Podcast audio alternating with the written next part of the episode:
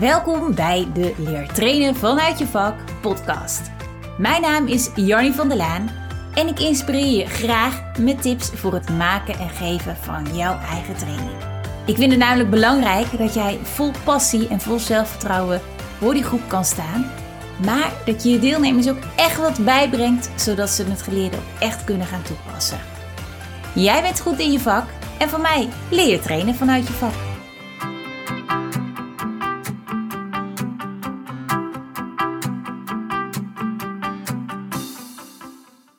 Je ziet het vast ook om je heen gebeuren. Heel veel trainingen en heel veel opleidingen worden op dit moment online aangeboden.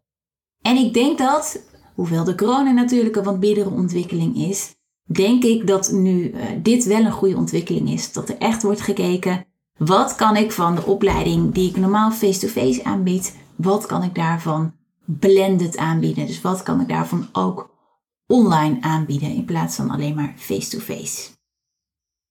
Jaren geleden ben ik hier al mee bezig geweest. Ik had uh, voor mezelf vanuit leer trainen vanuit je vak had ik een hele e-learning opgetuigd over hoe je trainingen kan maken en geven. En ik gaf ook tussendoor live online trainingen. En met een live online training bedoel ik dat je op hetzelfde moment als je deelnemer daadwerkelijk online bent en uh, ja, dan echt een interactieve online training kan geven. Maar ik merkte dat de jaren geleden dat er nog gewoon geen markt voor was. Mensen waren er nog niet klaar voor. En ze geloofden geloof ik ook niet dat je online ook daadwerkelijk dingen kon leren.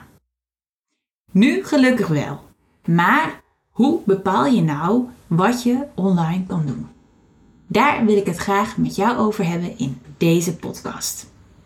Om hier een goed antwoord op te kunnen geven, neem ik je graag eventjes mee en eigenlijk in een stukje terug in het ontwerpen van een goede training. In mijn ogen heb je namelijk een aantal stappen die je uh, moet doorlopen om echt een goede face-to-face training of goede online training neer te kunnen zetten. En dat begint met een uh, goede en duidelijke intake te houden met je opdrachtgever. En dat kan als je zelfstandig trainer bent natuurlijk een externe opdrachtgever zijn. Maar dat kan ook een interne opdrachtgever zijn binnen jouw eigen organisatie. iemand die zegt van, goh, wil jij eventjes een training organiseren? Nou, dat is op dat moment dan je opdrachtgever. In je intake vraag je heel erg duidelijk, wat is de huidige situatie van de deelnemers? Dus waar staan je deelnemers nu? Maar ook, uh, wat is hun achtergrond? Wat is de aanleiding van de training? Zijn ze gemotiveerd? Eh, om hoeveel deelnemers gaat het? Wat is hun opleidingsniveau? Wat hebben ze op, uh, op, op het gebied van dit onderwerp al gehad? Over, um, ja, over dit onderwerp, zeg maar. Dus welke kennis hebben ze al? Dus je vraagt heel erg door op de huidige situaties. Hoe gaat het nu? Vervolgens vraag je ook heel goed door op de gewenste situatie. Dus wat moet er na afloop van de training echt veranderd zijn in kennis, in inzicht en vaardigheden bij de deelnemer? Nu heb je vaak opdrachtgevers die um, heel erg veel willen. En op zich is dat natuurlijk goed, maar dat moet vaak ook in zo min mogelijk tijd. Dus probeer hier ook gewoon al um, heel duidelijk samen te vatten in je gesprek. En probeer ook aan te geven dat ja, less is more. Weet je, liever dat mensen, uh, deelnemers, één ding goed weten, begrijpen en kunnen, dan dat ze tien dingen weten, het niet begrijpen en al helemaal niet kunnen toepassen. Dus probeer daar al samen met je opdrachtgever keuzes in te maken in je intakegesprek. Dus ja, een stap is intake met je opdrachtgever waarin je vraagt naar de huidige en naar de gewenste situatie. Heb je dat in beeld, dan uh, ga je ook in gesprek, hou je ook een intake met je deelnemers. Dat kan een face-to-face gesprek zijn. Dat kan uiteraard ook met een videobellen of een telefonisch gesprek zijn. Maar dat kan ook een, uh, een Google Form formulier zijn bijvoorbeeld. Die gebruik ik vaak. Waarin ik een aantal vragen stel aan de deelnemers over waar ze nu staan op het gebied uh, van het onderwerp van de training. Maar ook wat ze graag nog willen leren of waar ze misschien tegenaan lopen. Komen daar dan nou dingen in naar voren waarvan ik denk, oei, dit is echt wat anders dan wat de opdrachtgever aangaf? Dan ga ik ook weer terug naar de opdrachtgever, want het ontwerpen van je training is een iteratief proces. Dus soms zul je ook stapjes terug moeten zetten. Of uh, soms ga ik ook gewoon van tevoren, voordat ik de training daadwerkelijk ga geven, nog eventjes in contact, bel ik nog even met deze deelnemer om te vragen eh, ja, hoe deze dat precies ziet. Of het onderwerp wat hij had aangegeven. Dus een intake met je deelnemers is echt heel erg van belang.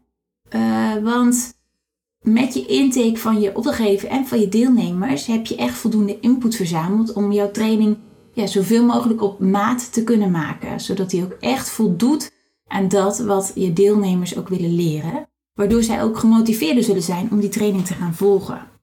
En ze ook echt gaan leren wat ze ook echt nodig hebben. Dat is wel heel erg fijn.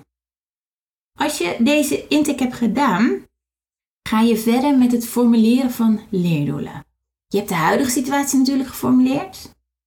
Je hebt de gewenste situatie geformuleerd. En daartussen zit een gat. En in onderwijsland noemen we dat ook wel de gap. He, er zit, iets tussen om van de huidige naar de gewenste situatie te komen. En op dat wat ertussen zit, daar ga je leerdoelen op formuleren. Dus je maakt als het ware een bruggetje naar die gewenste situatie toe. En er wordt wel eens ehm, gezegd, dus ik vind het een hele mooie uitspraak. Een trainer zonder leerdoelen is als een stuurman zonder kompas. Er komt altijd wel weer ergens land in zicht. En wat wordt er nou mee bedoeld? Dat is dat een, um, trainer kan misschien een hele leuke training hebben gegeven en de deelnemers hebben misschien ontzettend genoten van de lunch. Maar de vraag is of de deelnemers wel daadwerkelijk daaruit zijn gekomen waar ze uit zouden moeten komen. Dus hebben ze wel echt die leerdoelen bereikt die ze zouden moeten bereiken? Dus heel erg belangrijk is om deze leerdoelen te formuleren, zodat je ook echt kan toetsen uh, of jouw training ook echt wat heeft opgeleverd. Dat is zowel voor jouzelf fijn, voor de deelnemers fijn, maar zeker ook voor de opdrachtgever. Dus vergeet alsjeblieft niet het echt het goed formuleren van leerdoelen. Als je deze leerdoelen hebt geformuleerd, ga je ze ordenen. Je gaat bekijken, goh, welke onderwerpen wil ik nou eigenlijk aan bod laten komen in deze training. En als je dat hebt gedaan, dan ga je aan de slag met daadwerkelijk het maken van je training. Ook wel genoemd het programmeren en het afstemmen van de ingrediënten die je hebt verzameld. En met het maken van je training, dan ga je natuurlijk kijken welke verschillende oefeningen, welke verschillende werkvormen kan ik toepassen om daadwerkelijk die gewenste situatie te bereiken. Dit is de meest koninklijke weg om te komen tot je training. Nu wil ik graag terug met je naar de vraag: hoe bepaal je nou wat je van je training online kunt doen? En om deze vraag te kunnen beantwoorden, moeten we eventjes terug naar de leerdoelen. Want deze leerdoelen kun je in mijn optiek formuleren op vier verschillende niveaus. Kennis, wat, kan een wat, wat weet een deelnemer na afloop van de training? Inzicht, wat begrijpt de deelnemer na afloop van de training? Vaardigheid, wat kan de deelnemer na afloop van de training toepassen? En het gedrag. En het gedrag, dat is echt iets wat op de werkvloer gebeurt. Eh, wat is zijn gedrag in de praktijk na afloop van de training? Dus gemakshalve heb ik het nu eventjes over de leerdoelen die je kunt formuleren voor de training. En dan zit het op drie niveaus, namelijk kennis, inzicht en vaardigheden. En dit is een hiërarchie. Dit volgt elkaar op. Dus eerst heb je het over het eerste niveau, het kennisniveau. Wat moet de deelnemer weten? Als die iets weet, daarna begrijpt hij het. Kan hij het ook bijvoorbeeld daadwerkelijk uitleggen? En pas daarna zit je op het derde niveau van vaardigheid. Kan die daadwerkelijk toepassen? Kortom, wil je dat je deelnemers ook daadwerkelijk iets kunnen toepassen, dan moet je ook een leerdoel hebben op datzelfde onderwerp op het kennisniveau, het eerste niveau, en het inzichtsniveau, het tweede niveau. En pas daarna kun je het vaardigheidsniveau bereiken. Je begrijpt denk ik ook wel dat een um, kennisleerdoel vaak sneller bereikt is dan een vaardigheidsleerdoel bijvoorbeeld. Dus daarmee kun je rekening houden met het opbouwen en het inplannen van de tijd voor je training. Als we eventjes weer terugkijken naar de vraag, de vraag van goh, wat kan je nou van je face-to-face training online doen? En natuurlijk hangt dat af van het onderwerp waar je het over hebt. Kun je over het algemeen zeggen dat de leerdoelen op kennisniveau en gedeeltelijk ook op inzichtsniveau, dat je dat prima online kunt doen. in een e-learning bijvoorbeeld of een live online training. Maar durf zeker creatief te zijn, want als je bijvoorbeeld een trainingsacteur inzet, eh, wat heel prima kan in een live online training, dan zou je ook de vaardigheden kunnen oefenen eh, als het bijvoorbeeld gaat om eh, communicatieve vaardigheden, bijvoorbeeld feedback geven. Kortom, er kan heel erg veel online, maar zeker niet alles. En zelf blijf ik ook echt wel die kracht van face-to-face trainingen zien, in combinatie met bijvoorbeeld een e-learning of een live online training. Of allebei, dat kan natuurlijk ook.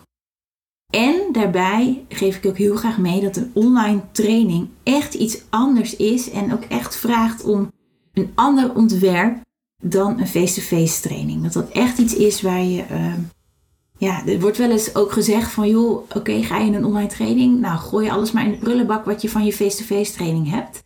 Zo ver wil ik niet gaan, maar ik wil wel je echt meegeven dat je echt uh, heel erg goed moet opletten. En zeker niet alles wat je face-to-face doet ook zomaar online kan doen. Vind je het nou fijn om met me te sparren en te kijken hoe je jouw uh, training, jouw face-to-face training om kunt bouwen naar een blended training? Dus een deel online en een deel ook face-to-face. Neem dan gerust contact met me op. Uh, je mag me altijd meenemen naar Jannie, dat is met een y, het leertrainen vanuit je vak.nl. En dan plannen we gewoon even een, eh, een, bijvoorbeeld een belafspraak of een videocall in met elkaar. Ik hoop dat je met deze podcast weer wat meer inzichten hebt gekregen over wat jij van jouw face-to-face training ook online kan doen. Bedankt voor het luisteren. Trainersjargon. Je hebt dit misschien wel al horen langskomen. Uh, synchroon en asynchroon opleiden. Maar wat betekent dat nou eigenlijk? Synchroon leren of synchroon opleiden. Dat betekent eigenlijk gewoon dat een trainer en een groep deelnemers tegelijkertijd in interactie zijn in dezelfde ruimte. En dat kan zijn dus dat je gewoon echt een face-to-face training hebt, dus echt in het trainingslokaal. Of online via een Zoom, een WebEx of een uh, Vitero bijvoorbeeld. Dus synchroon betekent tegelijkertijd online in interactie met elkaar. Tegelijkertijd dus met de trainer.